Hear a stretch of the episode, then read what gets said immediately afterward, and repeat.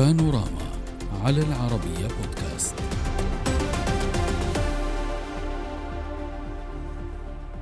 بقدر ما يتطلبه الأمر سيستمر دعم واشنطن لأوكرانيا في معركتها ضد روسيا.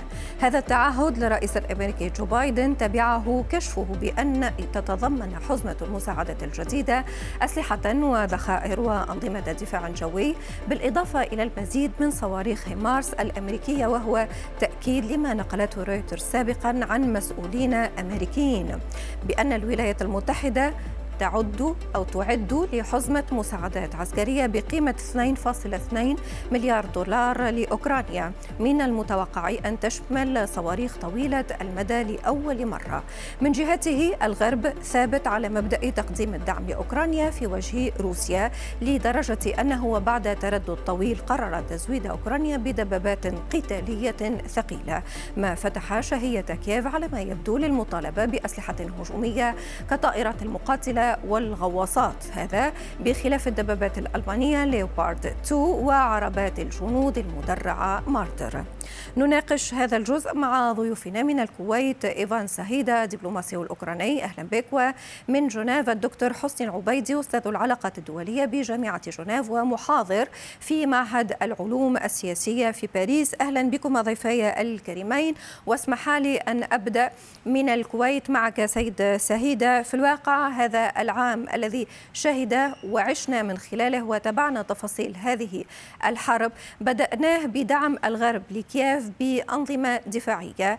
ختمناه بدعم الغرب لكييف بأسلحة متطورة ومطالبة آه، زيلينسكي بالإف 16 وبأسلحة طويلة المدى. آه، هذا الدعم هل حمى كييف أو هذا الدعم قد يأخذنا إلى مرحلة ومستوى جديد من التسلح؟ أعتقد أن الدعم العسكري لأوكرانيا آه، هو سيساعد في إنهاء هذه الحرب في أقرب وقت لأن الدفاع هو ليس تصعيد الدفاع آه، عن النفس طبقا لميثاق الأمم المتحدة حقنا السيادي في آه، لأوكرانيا. ونحن نصر على حقنا الكامل طبقا للقوانين الدولية والميثاق الأمم المتحدة. ولكن سيد سهيدة يعني مثلا إذا نتحدث عن أسلحة طويلة المدى فيما ستفيد كيف؟ اولا هذا ستفيد بتدمير اللوجستيات الروسية لتدبير هجوم أوسع والآن هذا الهجوم مستمر في أوكرانيا في باخمود وطبعا نحن نحتاج لهذه الأسلحة حتى يكون كما يسمى يد طويلة لتحرير كذلك القرم ولوهانسك ودونيتسك ونحن لا نتاجر بأراضينا ولا نتاجر بالشعب الذي يعيش في داخل الأراضي الأوكرانية ولو كانت محتلة مؤقتا من طرف روسيا. نعم. وطبعا ملتزمين بتحريرها بشكل كامل. نعم. دكتور حسني ما رأيك؟ هل هذه النوعية وهذه الطريقة المستمرة في تسليح كييف مناسبة لهذه المرحلة؟ يمكن كما يقول ضيفي أن تحمي كييف وأن لا تأخذنا لصراع قد يكون أكبر ومتعدد الأطراف؟ يعني مساعدة كييف أمر مشروع وللحلف الأطلسي والدول الغربية لديها الحق في النهاية الدفع بقوات عسكرية وبدعم عسكري نوعي مختلف عن الدعم السابق. لكن الدعم العسكري أو لنقول التسليح بلا نهاية لا محدود يحمل أخطار كبيرة وأنه قبل كل شيء سيلغي أي احتمالية للسلام. ثم كذلك أنا أعتقد بأن ميزان القوى حتى وإن استطاعت أوكرانيا إلى حد الساعة أن تدافع عن نفسها وأن تصمد أمام الغزو الروسي إلا أن في النهاية لن يعني يتم إلا تمديد أماد هذه الحرب بأكثر دمار لأوكرانيا وكذلك أعتقد حرب آه، استنزاف لا يمكن لروسيا الحالية بقيادة بوتين أن تتراجع عنها، فأنا أعتقد أن التسليح فقط من أجل التسليح أو القول بأن التسليح سيؤدي إلى حل سياسي صعب جدا الآن، لا بد فعلا أن يكون هناك تزامن بين هذا التسليح مرة أخرى المشروع لأوكرانيا وفي نفس الوقت أن العمل على دينامية سياسية دبلوماسية من قبل جميع الدول من قبل المجتمع الدولي وليس فقط الغرب مقابل روسيا. ما رأيك سيد سهيدة هذا التسليح المستمر قد يأخذ هذه الأطراف إلى صراعات أكبر وأثقل خاصة آه، وأن هذا التسليح كان له رد روسي. روسيا اليوم انسحبت من نيو ستارت وهي تتحدث عن إمكانية تطوير أسلحتها آه، على ما تعول كييف آه، في هذا الموضوع. الآن روسيا تستعمل كل الوسائل المتاحة لديها. هي لا تبخل في أساليبها الحربية ضد أوكرانيا. من الناحية الأسلحة وكذلك الهجوم السيبرالي والمعلوماتي وإلى آخرها.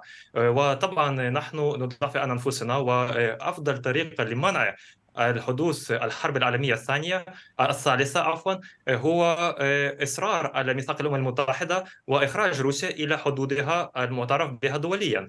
وبالنسبة لأوكرانيا هذه الأسلحة يعني نحن لا نريد أن استعمالها لغزو روسيا نحن نريد لتحرير الأراضي الأوكرانية. والسلام يجب أن يكون مبني على على أساس ذلك لأنه هو تقريبا هو كذلك مثال غير صحيح لأي دكتاتور آخر في العالم الذي حتى لو كان عنده أسلحة نووية أو نعم. ربما لم يكن لديه الآن وهو سيحصل عليها ويريد أن يغير موازين القوى ويحول مشاكل أو ليس مشاكل يعني نزاعات بطريقة الأسلحة ويجب أن يكون أن يعرف أن الرد العالمي والأمم المتحدة سيكون حاسم. ولن نسمح بتغيير وخرق القانون الدولي وميثاق الأمم المتحدة. اذا استصلاح أوكرانيا هو أفضل طريقة لمنع الحرب العالمية الثالثة. كيف أثرت دكتور حسني هذه الحرب في سباق التسلح العالمي خاصة وأن هناك دراسات تتحدث عن ارتفاع نسبة هذا التسليح؟ أولا تتحدث مثلا عن السويد التي رفعت في عدد جنودها المحترفين تتحدث عن اليابان التي بدأت بتنصيب صواريخ تفوق سرعة الصوت على الجزر الحدودية. الداخل الأوروبي كذلك يسارع في تسليح نفسه وتسليح تسليح أوكرانيا فيما بعد فهذا الإطار أين سيأخذنا؟ يعني سؤالك مهم لأن ألمانيا يعني لأول مرة آه، منذ نهاية الحرب العالمية الثانية تم زيادة الإنفاق العسكري بأكثر من 50% وهذا لم يحدث يعني سابقا وتيرة الإنتاج الحربي في أوروبا يعني أصبحت عاجزة على مواكبة الإنفاق التسليح الإنفاق داخل أوكرانيا اي ان بعض الدول الأوروبية اصبحت غاني ليست لديها ما يكفي أصلا من عتاد آه، حتى الحرب وبالتالي آه، تقريبا المصانع تشتغل 24 ساعة 24 ساعة قبل كل شيء للدفع بهذا الإنتاج لمساعدة أوكرانيا. ثم كذلك أصبحت أصبح الإنتاج الحربي هو الأولوية. هذه نقطة لديها بعض العديد من المخاوف، اولا آه، أوروبا كما تعلمين بنت رفاهها الاقتصادي على قضية الاجتماع، الدولة الاجتماعية، على قضية التربية والتعليم، الآن من المؤكد أن هذا الإنفاق الكبير جدا سيفاقم من التضخم الذي هو مرتفع وبالتالي يؤدي إلى آه، بعض بعض الهزات الاقتصادية الاجتماعية التي نرى بعض إرهاصاتها في العديد من الدول الأوروبية، ذكرت يعني هناك كذلك الصين، يعني الصين متخوفة لأن تقول بأن ربما اليوم يعني ما وقع مع الغرب و مع أوكرانيا. بدأت كذلك في التسليح لأنها لا تريد أن يكون هناك نقاش جديد حول تايوان حول تايوان. فأنا أعتقد أن هذا السباق نحو التسلح يعني خروج أو تعليق اتفاقية نيو ستارت كذلك. تعتبر نكسة كبيرة بالنسبة لعدم التسلح. ففعلا الحرب الأوكرانية هي أعتقد النزاع الوحيد في العالم الذي نتائجه وأعتقد كذلك يعني تداعياته مست كل القطاعات وكل دول العالم. ما رأيك سيد سهيدة؟ ضيف يقول بأن أولا سباق التسلح ستكون له مخاطر عديدة ويقول ثانيا بأن تسليح أوكرانيا بهذه الطريقة آه، دون اعتماد حلول موازية على المستوى السياسي الدبلوماسي لن يفيد لا كييف ولن يفيد هذه الحرب ولن ينهي هذه الأزمة. آه، نعم. آه، كذلك أنا متفق مع ضيفكم بالنسبة لي أن التسليح الآن في العالم هو موجود غير مسبوق وجدي في كثير من من الأماكن. خاصة أريد أن أذكر هنا كذلك كوريا الشمالية وهناك في المنطقة هناك بعض التقلق قلق في في حتى في آسيا رغم أن النزاع يعني الحرب موجودة في داخل أوروبا في أوكرانيا.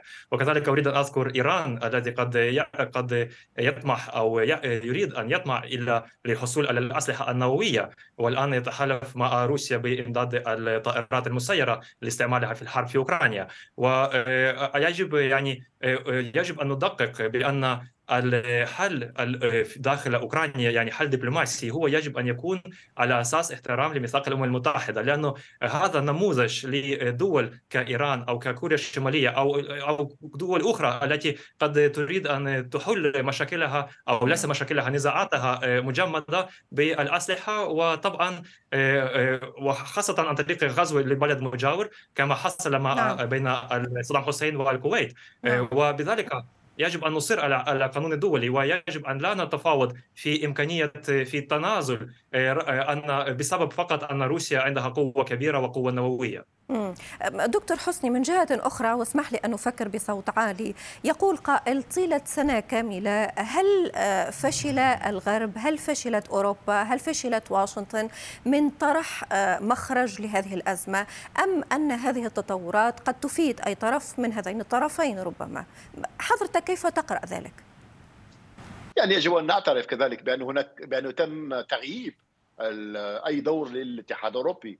آه، صحيح يعني ضيفك من الكويت يتحدث عن الامم المتحده، الأمم المتحدة مغيبة يعني غياب كبير. يعني نظرا اولا لمجلس الأمن ثم كذلك لحق الفيتو والصين. يعني اليوم ننتظر نتيجة التصويت في الجمعية العامة لكن للأسف كما حدث في العراق يعني الولايات المتحدة الأمريكية في النهاية هي الآن يعني عندما ارادت حل العديد من الأزمات فقط بمفردها أو من خلال القوة العسكرية والتحالفات خارج الامم المتحده هي اليوم كذلك ترى نفس السيناريو أن العديد من الدول ترفض فعلا أن يكون هناك أي عمل عسكري تحت شرعية الأمم المتحدة. فأوروبا مغيبة تغييب كبير والآن هي تقريبا أصبحت مجبرة لأن الولايات المتحدة وحتى الرئيس زيلينسكي يقول بأن نحن في النهاية نحارب من أجل حريتكم. وبالتالي آه، الربط ما بين قضية الزج بإنفاق عسكري وبقوات عسكرية كبيرة وأن تكون الأولوية الوحيدة هي أولوية الدفاع أو لنقول القوة العسكرية في النهاية ألغى كل المسارات الأخرى سواء مسارات الاتحاد الأوروبي أو مسارات الامم المتحدة، يعني مرة أخرى نرى استقطاب جديد تقوده الولايات المتحدة الأمريكية. ليس بالضرورة أن يكون هو المقاربه الأحسن. نعم أود شكركم جزيلا الشكر على المشاركة وكل ما تفضلتم به من آه، جنيف الدكتور حسني العبيدي أستاذ العلاقات الدولية بجامعة جنيف ومحاضر في معهد العلوم السياسية في باريس ومن الكويت إيفان سهيدا الدبلوماسي الأوكراني شكرا لكما.